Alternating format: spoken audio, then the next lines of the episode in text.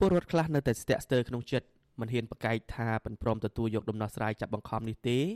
ដោយសារខ្លាចអាជ្ញាធរធ្វើបាបពលរដ្ឋមានចំនួនដីធ្លីលោកសូផាប្រាប់អស៊ីសេរីថាអាជ្ញាធរខេត្តពោធិ៍សាត់បានណាត់ពលរដ្ឋប្រជុំគ្នាជារឿយៗដើម្បីណែនាំឲ្យព្រមទទួលយកដីកន្លះហិកតាក្នុងមួយគ្រួសារ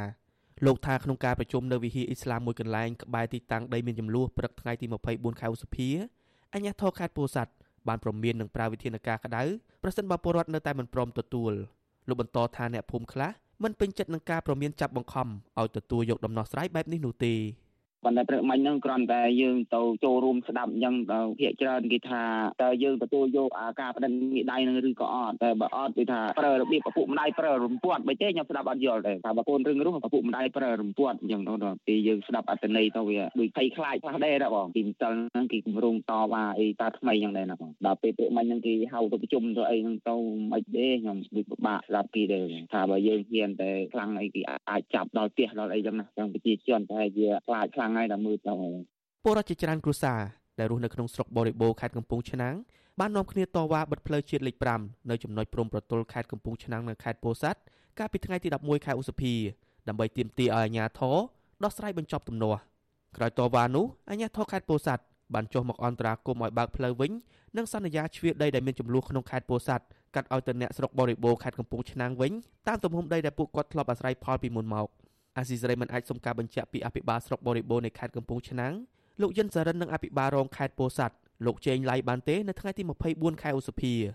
តែទោះជាយ៉ាងណាលោកជេងឡៃធ្លាប់ប្រាប់អាស៊ីសេរីកាលពីថ្ងៃ12ខែឧសភាថាពលរដ្ឋធ្លាប់អាស្រ័យផលពិតប្រាកដមិនមែនមានរាប់រយគ្រួសារដោយពលរដ្ឋអះអាងនោះទេគឺមានជាងតែ100នាក់តែប៉ុណ្ណោះលោកជេងឡៃថាអាញាធរនឹងវាស់វែងឲ្យតាមចំនួនជាក់ស្ដែងដែលពលរដ្ឋធ្លាប់អាស្រ័យផលលោកចោទថាពលរដ្ឋខ្លះទៀត មិនបានអាស្រ័យផលជាក់ស្ដែងនោះទេតែជាអ្នកកັບទន្ទ្រានដីព្រៃរបស់រដ្ឋដូច្នេះអាជ្ញាធរមិនវាស់ឲ្យទេកັບទឹកដំណោះស្រាយគេមានយូរហើយបើគាត់មិនយល់យល់ទេបងដំណោះស្រាយគេធ្វើតាទៅយូរតាប៉ុន្តែគាត់ជិះតំណមគ្នាចឹងទៅណាគេមិនមែនចែកឲ្យគេរក្សាទុកអ្នកណាដែលពិតប្រកបរស់នៅអាស្រ័យផលលើដីពិតប្រកបយល់ទេសង្គមស៊ីវិលមិនគ្រប់គ្រងចំពោះដំណោះស្រាយដែលមានការគម្រាមកំហែងលើពលរដ្ឋនោះឡើយអ្នកសម្របសម្រួលសមាគមអាត់ហុកខេត្តកំពង់ឆ្នាំងនិងពោធិ៍សាត់លោកសំច័ន្ទគៀសម្ដែងការខកចិត្ត ប្រសិនបើអាញាធរបានគម្រាមកំហែងពលរដ្ឋមែននោះលោកយល់ថាអាញាធរគួរតែគោរពកិច្ចសន្យា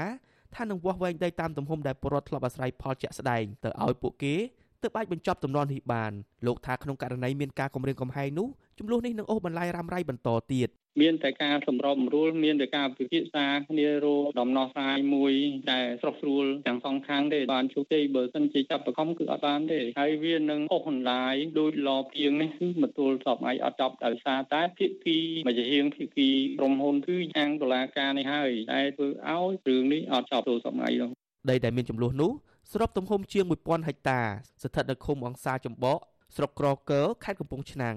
ដីនោះមានចំនួនយូរឆ្នាំមកហើយដោយសារតែរដ្ឋាភិបាលបានកាត់ជ្រៀតដីស្រែរបស់ពួកគាត់ទៅឲ្យក្រុមហ៊ុនចិនមួយដែលមិនស្គាល់ឈ្មោះពលរដ្ឋបាននាំគ្នាចេញតវ៉ានឹងដាក់ញត្តិអស់ច្រើនឆ្នាំទើបខាងក្រុមហ៊ុនចិននោះដកចេញទៅវិញតែក្រោយមកអញ្ញាធរកាត់ពោធិ៍សាត់បានកាត់ដីនោះទៅឲ្យពលរដ្ឋរស់នៅក្នុងស្រុកក្រកើជាអ្នកអាស្រ័យផលវិញខ្ញុំបាទជាចំណានអាស៊ីសេរីពីរដ្ឋធានី Washington